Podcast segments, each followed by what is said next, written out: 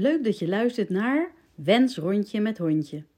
Voor alle moeders die een steuntje in de rug verdienen. Het is mijn wens om vooral moeders weer te laten vertrouwen op hun intuïtie. In de natuur ontladen en van top tot teen opladen. De zintuigen gaan we openzetten, zodat je weer gaat voelen wat goed is voor jou. Ik ga je meenemen naar buiten. Wandel je mee?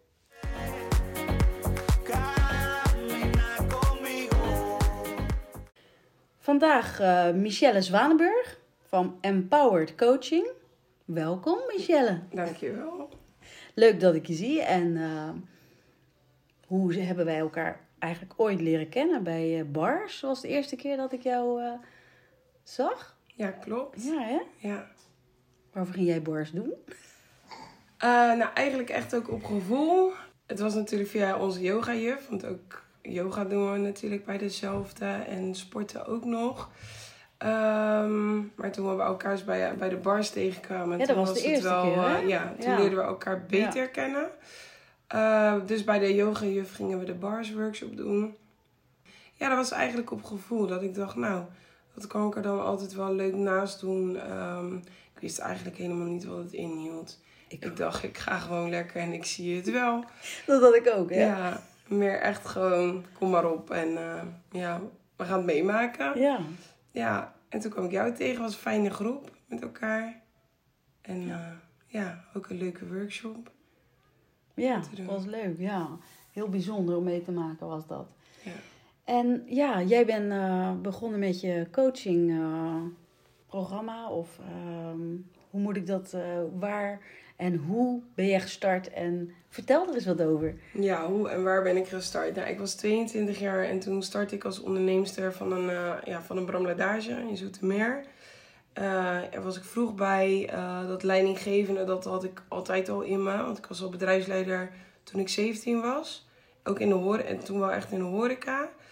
maar ja, de tijden en... Um, ja, vond ik toch minder gezellig. Ik dacht, ik wilde altijd gezellig. Ik denk, ja was nog later klaar uh, als dat je ging stappen, zeg maar. dus op een gegeven moment uh, kwam ik bij Bramladage terecht. En ja, in korte tijd hadden ze wel al in de gaten dat ik echt uh, ja, meer in me had zitten. Zodat ik um, ja, in Zoetermeer bedrijfsleider kon worden. En een half jaar later, dat was in 2009, ben ik gestart als onderneemster. Heel hard gewerkt. 74 uur in de week. Um, ja, als onderneemster werk je eigenlijk elke dag. Toen de tijd zeker nog perfectionistisch en een pleaser. Um, ja, dus van personeel tot uh, leverancier, tot ouders en vrienden, familie en ja, buren. Iedereen tevreden willen houden. Tenminste, dat dacht ik dat ik dat moest doen. Dat vroegen ze niet van mij, maar dat, dat had ik, dat ik dacht, ja, dat dat hoort, dat dat moet. Hmm. Waardoor dat, um, als ik erop terugkijk, best wel een, uh, een heftige tijd is geweest voor mezelf.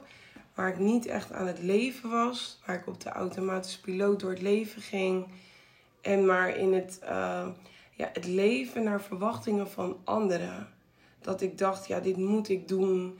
Want dan, eh, ik heb een patatzaak, maar ik moet wel succesvol worden. Of uh, ik moet naar de verjaardag, anders vinden ze me niet aardig. Uh, ik moet wel altijd gezellig zijn, want dan worden andere mensen blij. Zo had ik een hele lijst uh, voor mezelf. Wat, wat eigenlijk in mijn onderbewustzijn zat. Het ging voor mij hetzelfde als tandenpoetsen. Ik dacht daar niet over na. Het was iets van, nou weet je, dit doe ik gewoon zo. En dat hoort. Ja, en op een gegeven moment... Um, uh, leerde ik uh, mijn vriend kennen, Lex. En die was hartstikke lief voor me. Die zorgde voor me, die kookte voor me. En dat leventje van zoveel werken, uh, stappen, al die verjaardagen nalopen, weinig slapen, slecht eten, dat hield ineens op. Waardoor ik eigenlijk een burn-out kreeg. En ik was toen 26. Ja, en, en het begon eigenlijk met dat ik dacht, nou, ik en een burn-out, laat me niet lachen. Hup, doorgaan. En dat deed ik ook, uh, totdat mijn lichaam weigerde om mee te werken. Ik ging eerst wisselgeld halen voor de zaak. Toen kreeg ik het in mijn rug, maar toen dacht ik, joh, ik bel Bonnie wel. Zij kan supergoed masseren. Echt een topvrouw is dat. Maar Ik belde Bonnie en inderdaad, ik kon weer lopen. maar ja, dat was natuurlijk niet wat mijn lichaam wilde zeggen. En, eh, dus ik heb al vaker bij Bonnie op de tafel gelegen omdat ik niet meer kon lopen. En ik weet nog goed, het was echt een mooie dag. En ik wilde mijn bed uitkomen en dat lukte niet.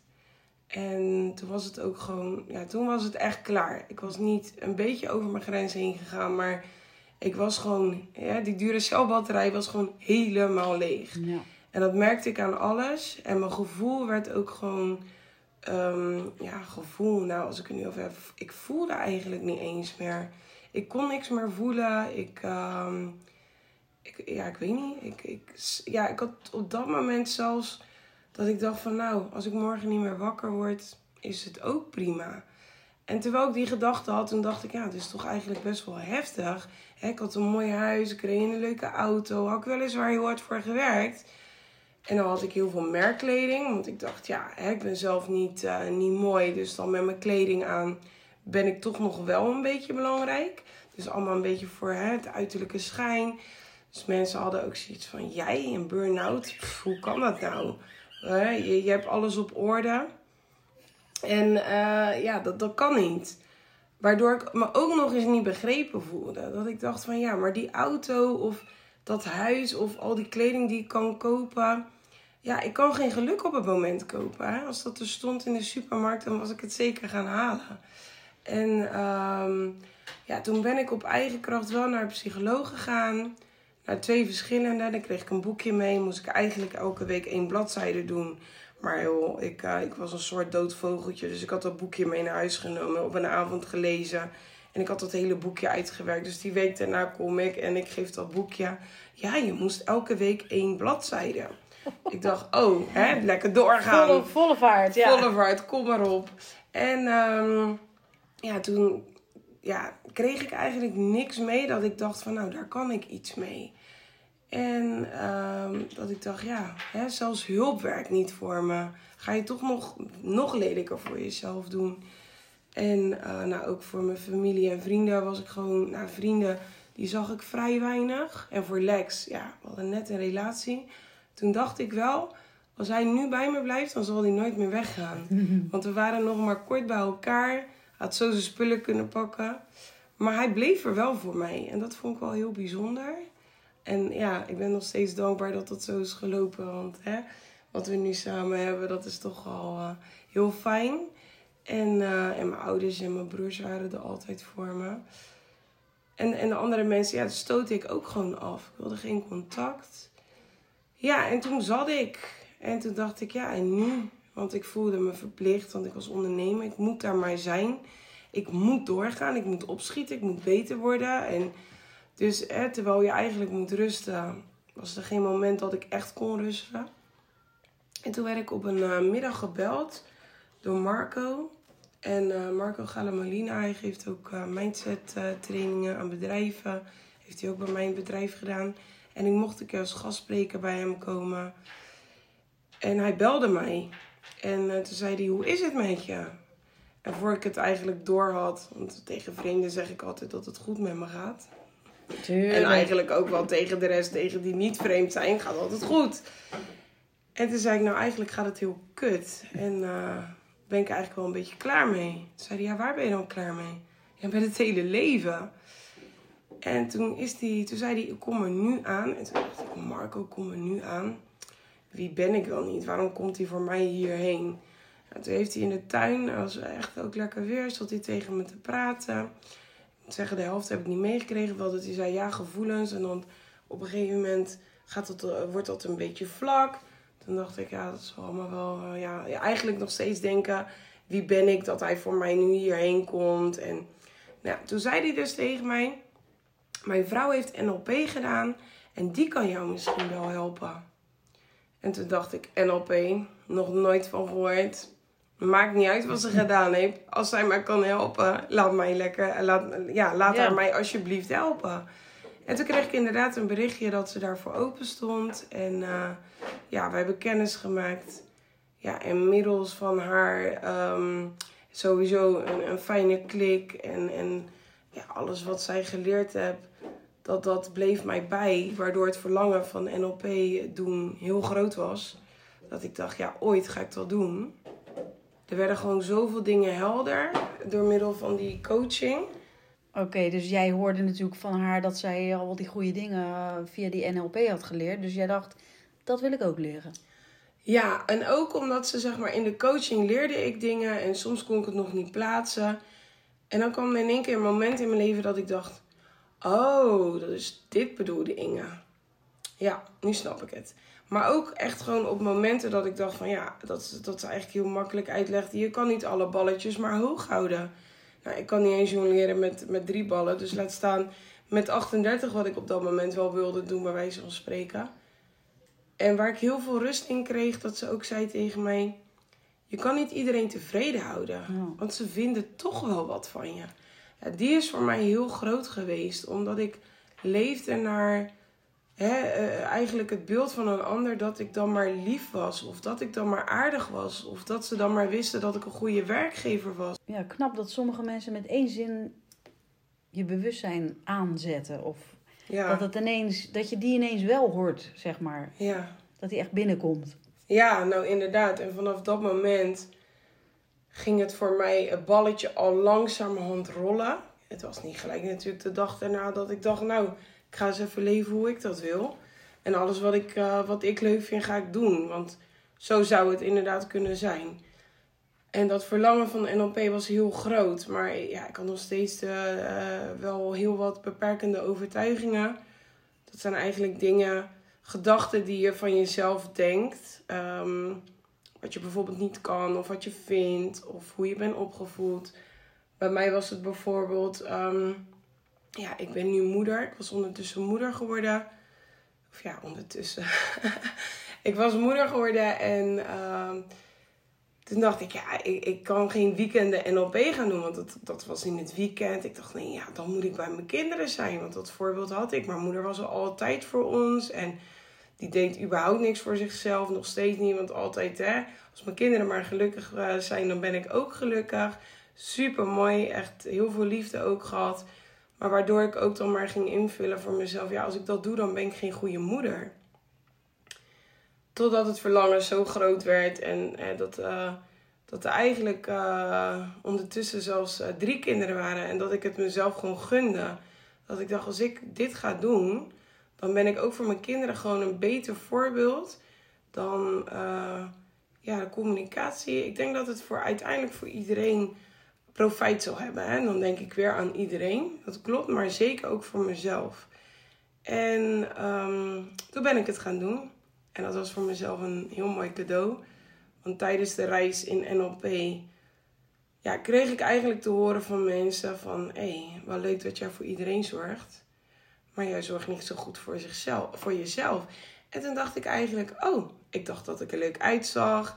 Weer van, oh zie je, ze vinden me lelijk. Dat was eigenlijk het eerste wat ik dacht. Want het was in een feedbackronde. En dan ging je elkaar cijfers geven. Van, hè, laat je iemand erbij horen? Uh, hoe, hoe ben je in de groep? En nou, dat was allemaal prima, want hè, ik ben, uh, je maakt niet uit bij wie je me zet of wat voor groep. Ik hou van verbinding maken, dus dat, dat komt wel goed. En hoe goed zorgt ze dan voor zichzelf? Nou, toen kreeg ik zulke lage cijfers dat ik echt dacht... Zie je wel? Nou, ik moest nog net niet huilen, kon het nog net ophouden, maar ik had echt wel een broek in mijn keel. Maar daarna ging iedereen het toelichten. Van hé, jij zorgt uh, dat iedereen een bakje thee krijgt. En je sluit jezelf bij wijze van spreken nog over. En toen hoorde ik eigenlijk voor het eerst dat er dus zelfliefde bestaat. Ja. Dus nog niet eens daarvoor. Uh, ja, wel, hé, je kan voor jezelf zorgen. Ja, klopt, maar dat deed ik niet. En toen zat ik ook in het vliegtuig naar Curaçao met mijn gezin. En toen zeiden ze inderdaad wat zuurstof. Toen dacht ik, nou, dat ga ik echt niet doen. Dat vind ik echt egoïstisch. Ik ga het alsnog eerst bij mijn kinderen opzetten, geloof me maar. Want uh, ja, hè, liever dat ik er niet meer ben dan mijn kinderen. En toen maakten we vorig jaar, in 2020, de reis opnieuw. En toen zat ik daar en toen dacht ik, ja, zonder mij kan ik, hun niet, kan ik niet voor hun zorgen. Nee. Dus ga ik hem dus echt deze keer, mocht het gebeuren, zet ik hem eerst bij mezelf ja. op. Want zodra mijn zuurstof op is, kan ik dus ook niet voor mijn gezin zorgen. Nee. En geef ik ook het voorbeeld aan mijn kinderen van dat je maar altijd er voor een ander moet zijn, dat jouw behoeften er niet toe doen. En daarvoor vond ik het heel bijzonder. Omdat op dat moment, hè, in, in, want wanneer was het vorige keer dat we gingen? was in 2015. Dat ik in dat vliegtuig die gedachte had. En nu dacht ik zo bizar dat het zo hè, in één keer om kan switchen. Dat ik toen echt dacht van nee, ik vind dat zo egoïstisch. En nu dacht van nee, echt. Dat, dat, ik, ik mag er zijn en ik ga daarvoor zorgen. En voor mijn kinderen. En dat het helemaal niet egoïstisch is om voor jezelf te zorgen. Nee, nee want als de zuurstof wegvalt, dan als je hem zelf op hebt, dan kan je alsnog je kinderen helpen. Ja. En als die eerst uh, bij die kinderen staan, kunnen zij niet jouw zuurstof nog precies, opzetten. Precies, ja. Nee, en dat is het ook. En ja, hoe meer ruimte, liefde, aandacht je voor jezelf hebt, ja, dat, dat, dat, dat werkt door in je gezin. En dat is ook, uh, ik vroeg toen een keer aan een uh, coach die ik daarna van NLP. Want ik ben wel van doorgaan en dan vind ik het leuk en enthousiast. Dus ik heb ook gelijk de master erachteraan gedaan. En uh, toen kwam ik bij Lennart in coaching en toen vroeg ik aan hem van joh, hoe kan ik nou zorgen dat mijn oudste zoon wat zekerder wordt van zichzelf? En toen gaf hij me een spiegeltje voor. En daar keek ik niet zo graag in, want hè, ik had nog steeds niet een supergoed zelfbeeld. Hij zei van ja, het, het begint bij jou. En toen dacht ik, wat zegt hij nou? En dat vond ik best wel pijnlijk. Maar het gaf me juist ook de motivatie. Omdat ik gewoon, bij Luciano kon ik gewoon zijn pijn, zijn verdriet. Om maar door iedereen geliefd te worden. En dan zo onzeker te Dat kon ik gewoon voelen. En dan weer eigenlijk herbeleven. Mm. Dat ik dacht, nee, ik ga dit anders doen.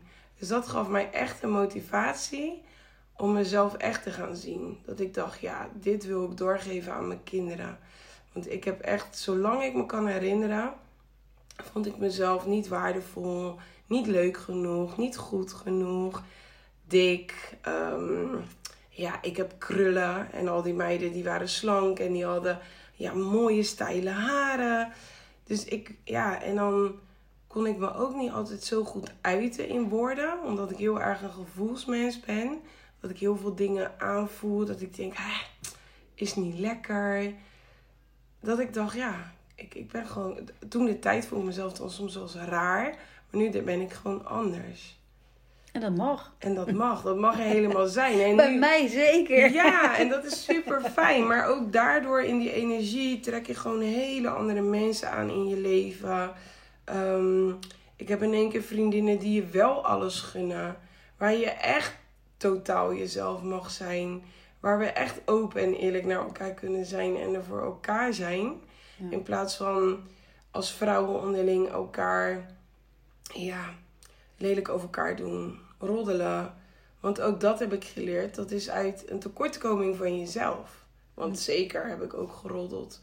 Uh, want ik had zeker ook tekortkomingen.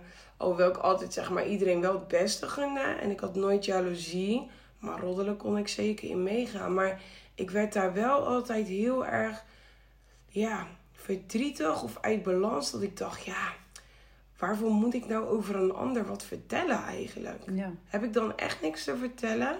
Dat was dan altijd als ik in mijn bed lag. Maar nooit echt bewust van als ik daarmee stop, dan verandert het.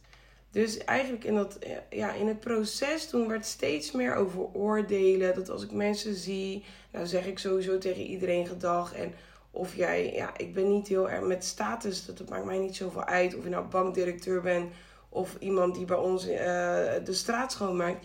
Ik, ik hou van connecten met iedereen.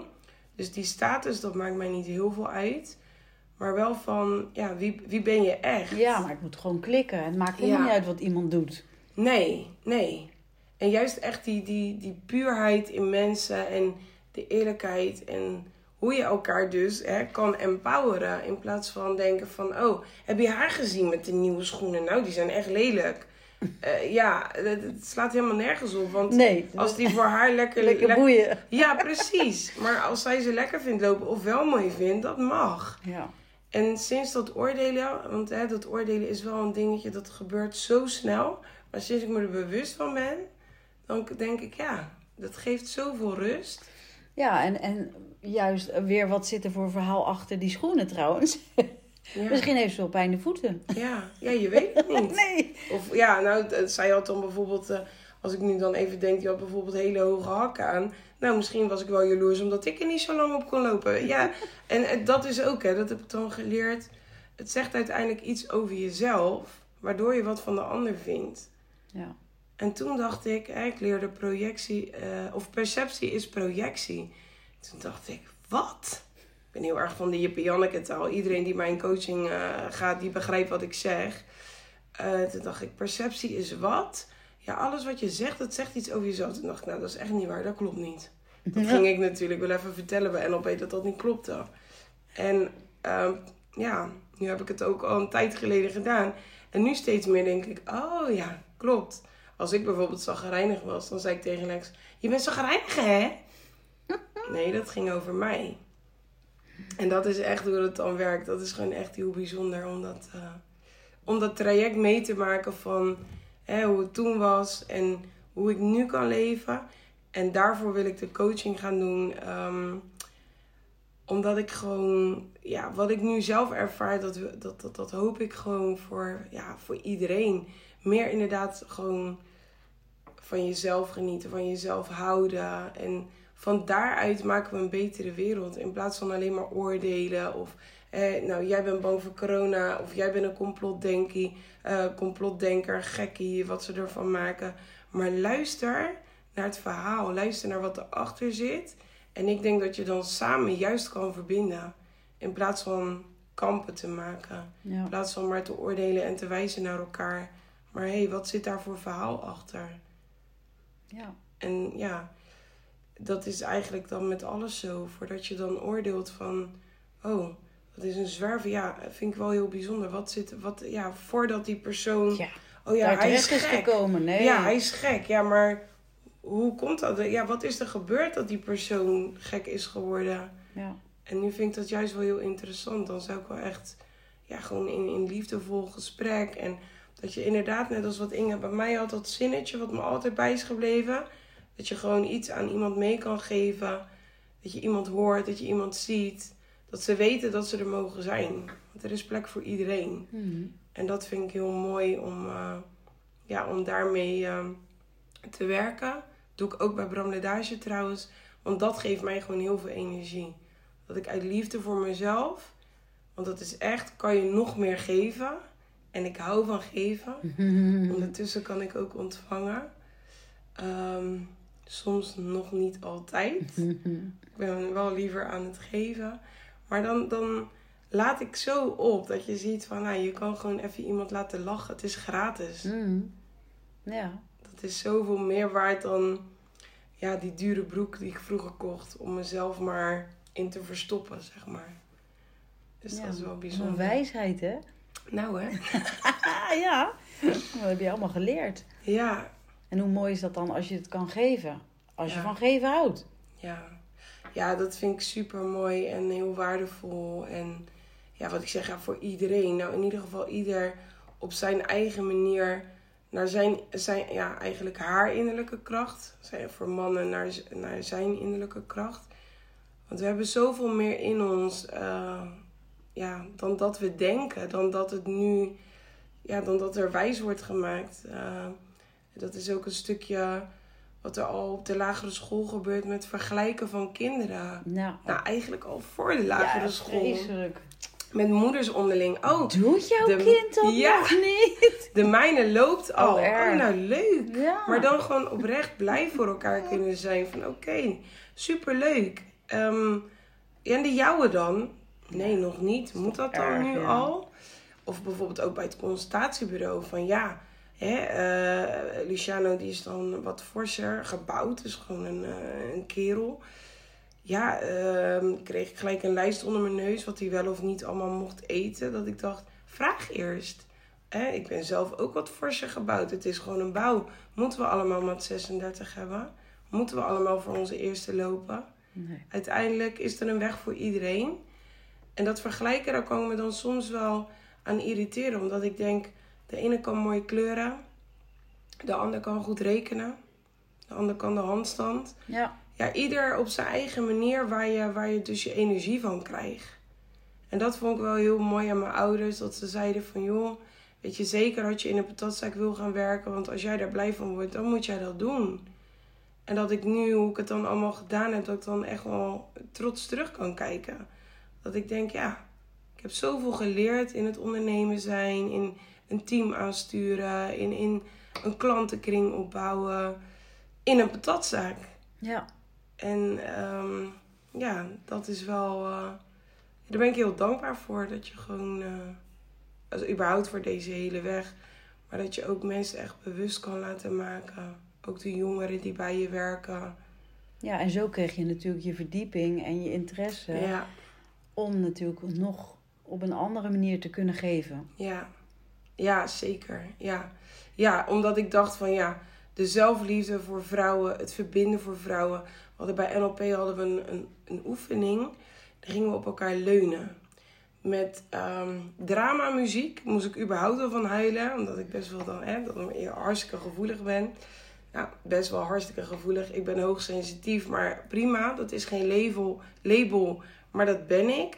Um, en daar hoef je je ook niet mee te identificeren. Ik, uh, ik ben gewoon gevoelig en dat weet ik. Um, en ik zat daar in die kring. En de vrouwen gingen in elkaar en op elkaar en leunen. En ik dacht, nou, ik hoef niet te leunen.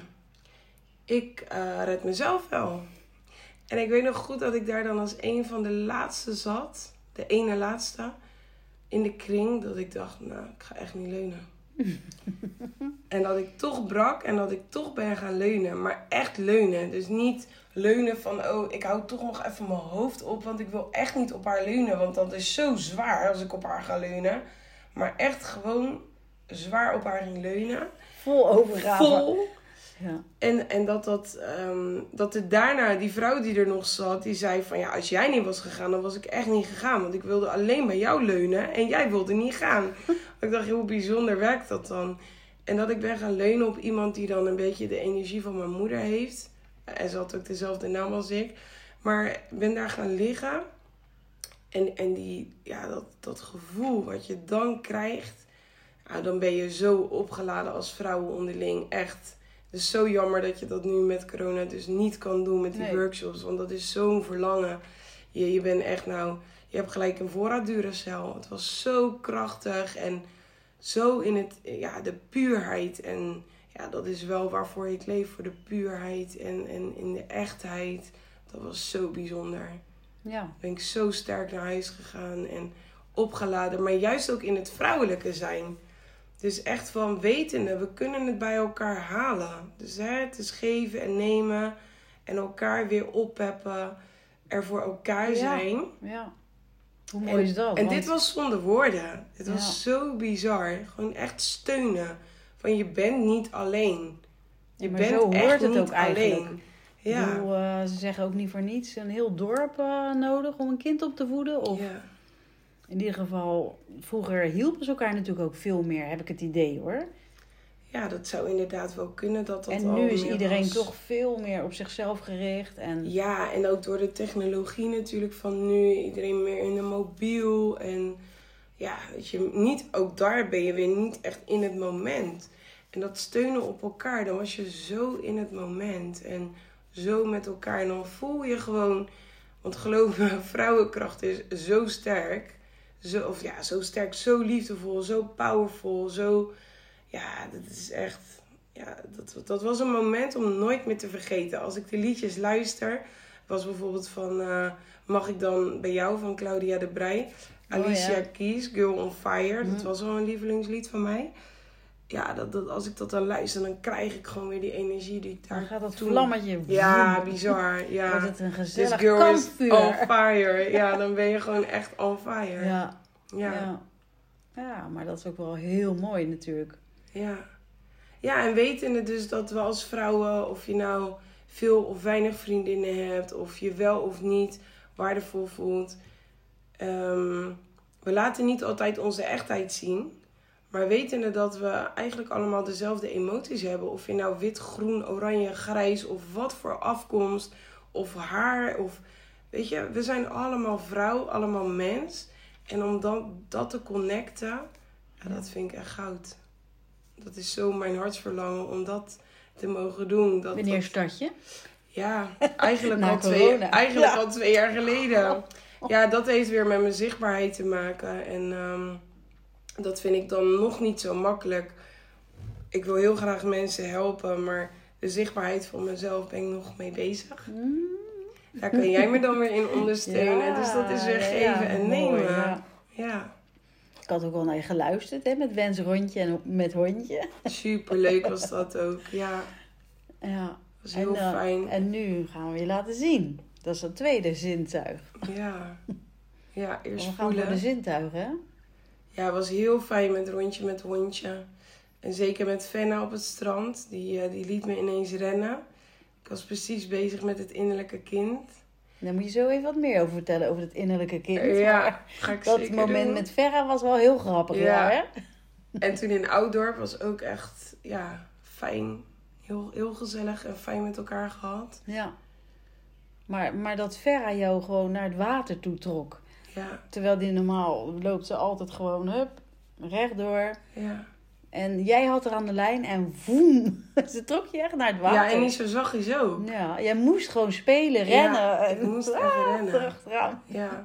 ja, en die avond ervoor was echt dat bewustzijn. Dat ik dacht, ja, ik, ik ben altijd maar bezig om andere mensen te laten genieten. Dus echt van, hé, hey, dat innerlijke kind mag gewoon spelen. Bizar dat ze dat aanvoeren. Ja, maar wat was er... Hoe werkt dat met dat innerlijke kind? Kan je daar wat meer over vertellen? Ja, ehm, we hebben allemaal eigenlijk een... Nee, niet eigenlijk. We hebben allemaal een innerlijk kind in ons. En ehm, dat is ook weer met hoe omarm je die? Hoe zie je die? Eh, is je innerlijk kind... Voel je dat veilig? Ehm, ja, ik heb bijvoorbeeld een innerlijk kind... Ja, hoe ik als kind was, heel onzeker. Ja, to- toen al toch wel met andere mensen bezig zijn van... Hé, hey, hebben we het naar de zin? Dan is het goed. Wat wil jij? Wat vind jij leuk om te doen? Ik wist nooit echt wat ik leuk vond om te doen. Omdat ik altijd maar... Ja, ik vond alles leuk. Als de ander het maar leuk vond. Bizar is dat, hè? Ja, Dat ja herken zo ik heb ik dat wel, heel ja. erg aangeleerd. En ja, eh, ook weer doorgekregen van mijn moeder. Die, die, die is ook precies van, nou als de ander het maar naar zijn zin heeft, dan, dan is dat voor mij ook. En nu wetende dat dat niet helemaal zo klopt. Van als de ander het maar naar zijn zin heeft. Want je mag het zelf ook naar je zin Ja. hebben. Want jij bent ook waardevol. Zeker. En ik ben nog- Zeker, Michelle. ja, dankjewel. ja. En om daarmee bezig te zijn, ja, dat, ik zit nog in dat proces ehm, om het ja, echt te erkennen, te zien. En dat was gewoon zo'n mooi moment van gooi het even los. En nu, ja, sinds dat moment ben ik ook echt, hè, nou je weet het nog, we hebben nog met elkaar gesleten in Nesselanden. Ja. Dat ik dacht van, oké, eh Lois Lexi, mag ze bij jou ben? Dan glijden we even naar beneden. En dat we daarna gewoon samen ook naar beneden gingen. En ja, al, al was ik daar niet mee bezig geweest met het innerlijke kind, had ik daar langs de kant gestaan. Oh, pas op, eh, dadelijk van mijn kind. Oh, pas op, oh, kijk uit. eh, heeft iedereen het ook nog naar, naar zijn zin? Wil iedereen wat te drinken? En dat kan ik nu allemaal. Je hoort misschien ook al gelijk hoe ik. Ik ga gelijk weer harder, sneller praten. En je gaat weer in dat. Hoger, ja. ja, ja. wordt onrustig. Terwijl ik nu denk, zo lekker in het moment. Glijden van die berg, in vertrouwen. Mijn kinderen mogen vallen, want het leven is vallen en opstaan. En ja, toen ik, toen ik net moeder werd, toen dacht ik, ja, ik moet ze opvangen. Ze mogen niet vallen. Maar dat hoort bij het leven. En daardoor ook dus echt te kunnen genieten van wat daar is. En dat was ook, ja, natuurlijk met prachtige mensen. En je zoon was erbij. En al die toffe meiden die we natuurlijk eh, om ons heen hebben. Ja, dat was gewoon genieten. Ja, het was echt lekker buiten spelen, hè? Was echt, het innerlijke kind Ja. heb echt even buiten gespeeld. En de volgende dag wilden ze weer. Ja. Die Michelle was helemaal los. ja, dus ja, super mooi. Ook om die herinneringen te maken en om echt te voelen van wauw, daar gaat ook je, mijn vlammetje in ieder geval van branden. Ja. Dat je weet, ja, je Ja. mag spelen. Ja, Het ik hou ook van allemaal. spelen. Ja. Buiten, buiten spelen. Ja, maar het hoeft dus niet allemaal zo serieus omdat we 35 zijn of 50 of 20 of wat dan ook. We mogen dus plezier hebben, spelen, schommelen. Ja, Leuk, hè? En dat steekt ook aan voor de Ja. ander. Ja, het is fantastisch. Bomen klimmen, nou ja, dat wordt wat lastig. Hebben we ook nog gedaan. Bomen geklommen laatst, ja. Ja, Ja. terwijl ik vroeger altijd stond te kijken dat ik dacht, ja, ik kan dat niet. Ik doe dat niet. Ja, Maar dat deed je ook als kind niet? Nee, nee, ik deed überhaupt niet zo heel veel dingen wat gevaar had. Ik was echt ehm, Hmm, een heel braaf meisje. Oké. Ja. Nou, En puber ook. Ik denk dat er maar ja, drie, vier momenten zijn dat ik een beetje opstandig was. Maar ik was altijd maar bezig om... ja, het goed te doen. Ja, om, om er voor de ander, ja. Ja, en mijn ouders die hadden allebei wel al een heftige... ehm, Ja, nou, ja best wel al veel meegemaakt als, als eh, eh, jongen en meisje. Eh, mijn moeder was 16 ook toen ze mijn broer kreeg. Toen waren ze al getrouwd. Maar dat ik ook wel, denk al jong al ervaarde van hun hebben al genoeg meegemaakt. Laat ik maar gewoon lief zijn. Hmm. Dus echt dan al, zeg maar, dat werkt dan weer systemisch. Daar kunnen we een andere keer nog over hebben. Dan het onbewust al dragen van de pijn van je ouders. Of wat dan weer doorwerkt in, ja, in de generaties. Dat werkt helemaal eh, door. Door dat al bij te dragen wat helemaal niet eens van jezelf is. Maar daardoor gewoon wel altijd maar lief willen zijn. Dat ik dacht, hè, ze hebben al genoeg meegemaakt. Als ik maar gewoon lief. Niet altijd dan bewust hoor, want dat leer je jezelf gewoon aan. Ja, Wees maar heb, lief. ik heb dat eh, bij zo'n familieopstelling. eh, ja, klopt. Heb ik dat. En een meditatie was ook eh, aan vooraf, maar eh, jeetje. Bijzonder. Dat, ja, Ja. echt hè. Dat dragen. Ja. Van, van mensen die er gewoon helemaal niet eens meer zijn. Of, Ja. nou, bizar. ja, dat kan generaties teruggaan. Ja. Ja. Bijzonder. Maar ja, als je het dan meemaakt, ziet of eh, er zo over die, hè, die gedachten eigenlijk omhoog komen, of dat inzicht, hoe je het wil noemen, dan denk je ook wel van wow, ja, dat moet dus anders. Dat kan ik dus veranderen, of dat ja, kan ik loslaten, want dat is Ja. het dan eigenlijk, hè? ja. Het loslaten ervan. Tenminste, zo heb ik het ervaren. wat kon jij loslaten in de opstelling? Ja, ik was ook alleen maar aan het zorgen. Die gaf ik liefde, die gaf ik een eh, lach en die... eh, alleen maar, kom maar, oh, kom maar hier en dan eh kroel ik jou wel en dan... Alleen maar dat soort dingen. Ja, mooi hè. Dat "Hè, we ook, wat ben ik aan het doen? Ja, mooi dat je ook zo bij elkaar op pad komt. Dat je Ja. zoveel overeenkomsten Ja. ook hebt. En van elkaar kunnen leren. En van elkaar kunnen leren, zeker. We gaan lekker de volgende keer allerlei... We gaan dieper op de thema's in. Ja, Zodat eh, al die dingen die jij eh, geleerd hebt en... Ja, en ook jij. Dat we gewoon onze ervaringen. Hè, dus, dus niet alles hoeft waarheid voor jou te zijn, maar dat je gewoon ehm, met elkaar anderen kan inspireren. Ja. Door iets al een stapje voor zichzelf te doen. Of hè, naar je gevoel te luisteren. Of Ja. te weten dat er naar, naar je geluisterd wordt en dat je gesteund kan worden. En om te inspireren. Om, het, om de beste versie van jezelf te zijn. Ja. ja. Ja. Dus Nou, super fijn om dat met jou te mogen doen. Dankjewel. ja jij ook heel erg bedankt. Want het is echt super mooi om eh, te delen en eh, te connecten, ja, te, Ja. te verbinden. Daar ben ik ook wel heel erg van. Dus ja, zo eh, hopen we dan eh, een goede beweging eh, Ja, zeker. in stand te houden. Of in ieder geval te creëren. Ja. Dan gaan we aan werken.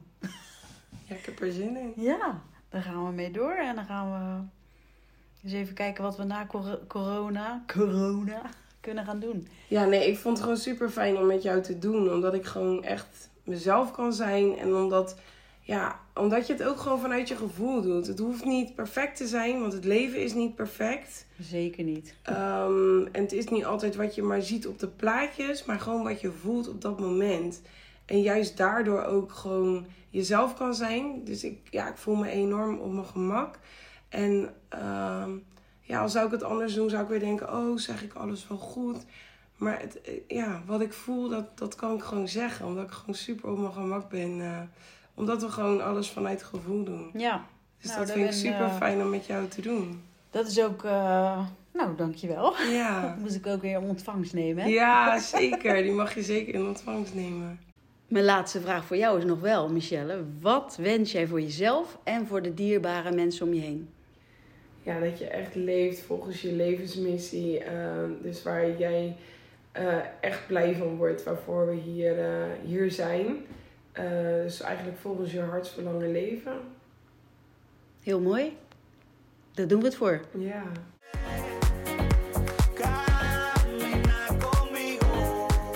Allereerst super bedankt dat je naar deze podcast luisterde. Ik hoop je wakker te schudden om altijd te blijven vertrouwen op je eigen intuïtie. Juist in deze snelle wereld is het zo belangrijk om te blijven voelen. En wil je mij blijven volgen? Abonneer je dan op mijn podcast Wens rondje met hondje. Gewoon even klikken op abonneren.